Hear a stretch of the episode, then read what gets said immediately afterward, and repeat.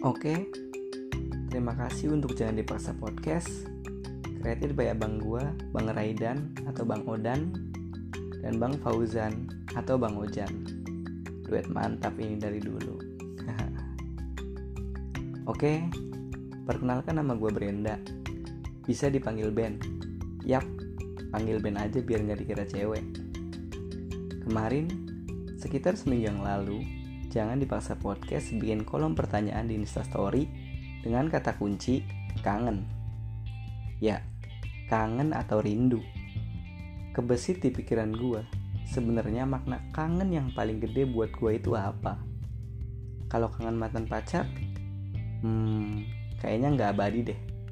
Karena ketika kita dapat seseorang yang baru, rasa kangen ke mantan itu perlahan pudar. Kangen orang tua di rumah, itu pasti.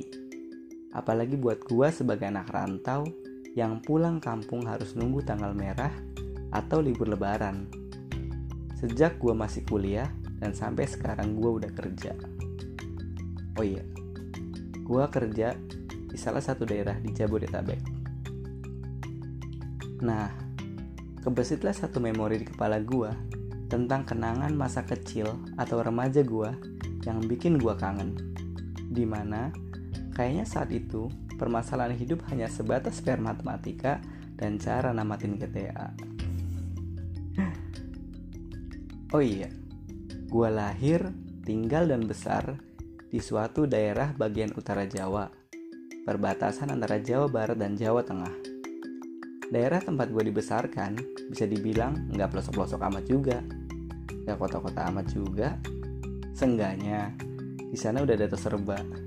Meski kalau pengen nonton bioskop, kudu naik kendaraan dulu sekitar 1 sampai 1 jam setengah. Pas SD, gue paling seneng yang namanya main layangan. Nerbanginnya, adu benang atau gelasannya, sampai lari-larian ngejar layangan putus sambil bawa bambu 2 meter. Dan kadang sampai cekcok gara-gara rebutan siapa yang dapat layangan duluan. Main gundu juga, apalagi sambil taruhan puluhan gundu, bahkan satu kaleng biskuit full gundu. Teknik nyentilnya juga gue masih ingat. Lontar kenceng pakai teknik jari tengah atau sentil miring pakai telunjuk. Kalau habis asar, teman-teman segang biasanya udah pada ngumpul. Terus bareng-bareng jalan ke lapangan buat main bola atau ngadu sama gang sebelah yang biasanya diakhirin kalau udah kedengar azan maghrib atau salah satu ada yang berantem. Malamnya pada ngumpul di musola, biasa ngaji. Kalau besok sekolah, ya balik, ngerjain PR, belajar, istirahat.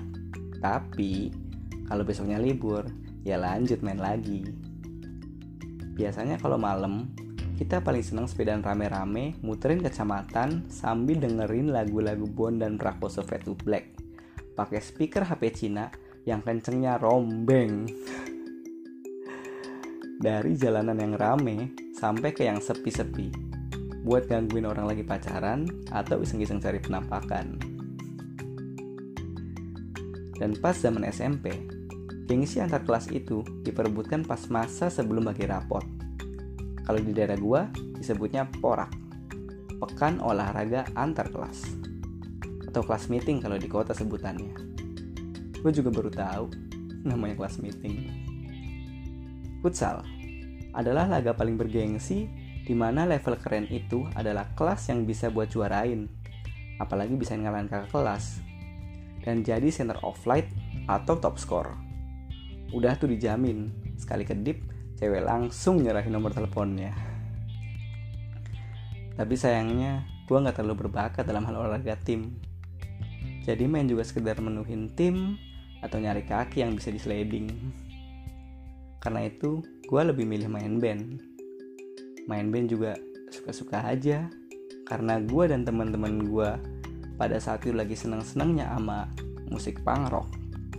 Jadi kita bawain lagu punk rock di acara porak sekolah dengan musik kerasnya dan lirik-lirik chaos dan anarkisnya yang ujung-ujungnya di stop sama guru Rohis.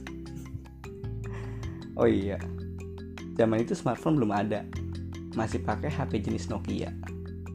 Gue inget, HP gue tuh jenis Nokia Express Music yang udah ada kamera depan dan gak jelas itu fungsinya buat apaan pada saat itu. Dan saat itu, provider kartu lagi gencar-gencarnya promoin SMS kirim satu gratis seribu. Karena zaman itu WhatsApp atau aplikasi chatting itu belum eksis.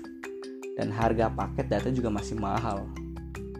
Buat dengerin lagu juga masih perlu perjuangan ke warnet, bawa kabel USB, dan download bajakan di Forshare, Webtrick, Indo-Webster, Band, macam-macam lah pokoknya. Dan kalau ada lagu bagus atau file haram di HP temen, ya kirim-kiriman lewat Bluetooth. Nggak semudah sekarang. Tinggal buka Spotify, terus play. Tinggal buka Google, terus play. It's a good old days, di mana hari-hari dilewati dengan bahagia. Belum ada masalah yang berarti, belum ada yang namanya beban pikiran besok mau jadi apa, mau kerja apa, dan mau hidup gimana. Semua di pikiran masih polos dan naif. Berpikir kalau cita-cita di benak, besok hari bakal dengan mudah didapat. And boom, I grow up, you grow up, We Grow Up. Dimulai pada akhir kelas 3 SMA, mulai datang pikiran ke depan. Bakal jadi apa? Kuliah di mana? Ambil jurusan apa? Prospek ke depannya jadi apa? Terus, kalau gagal dapat kampus atau jurusannya gimana? Di situlah realita kehidupan dimulai.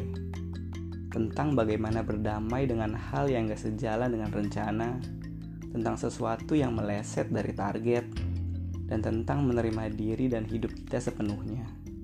Juga bertanggung jawab atas jalan yang sudah dipilih. Terkadang gue penasaran, apa mesin waktu itu beneran ada? Apa bisa dibuat? Kenapa itu nyata?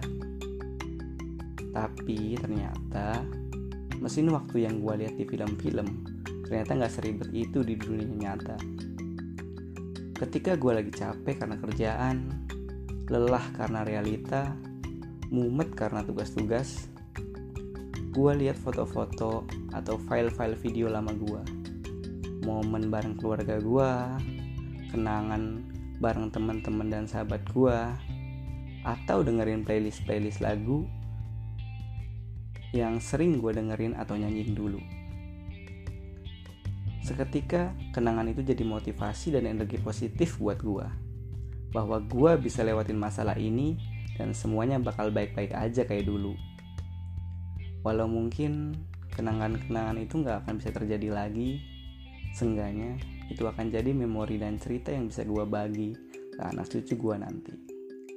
Atau jadi bahan cerita nostalgia ketika kita duduk bersama lagi. Ya, sekian aja cerita kangen dari gue. Maaf kalau ada salah-salah kata. Tetap hati-hati, pandemi ini belum berakhir. Selamat sukses buat Jangan Dipaksa Podcast. Terima kasih.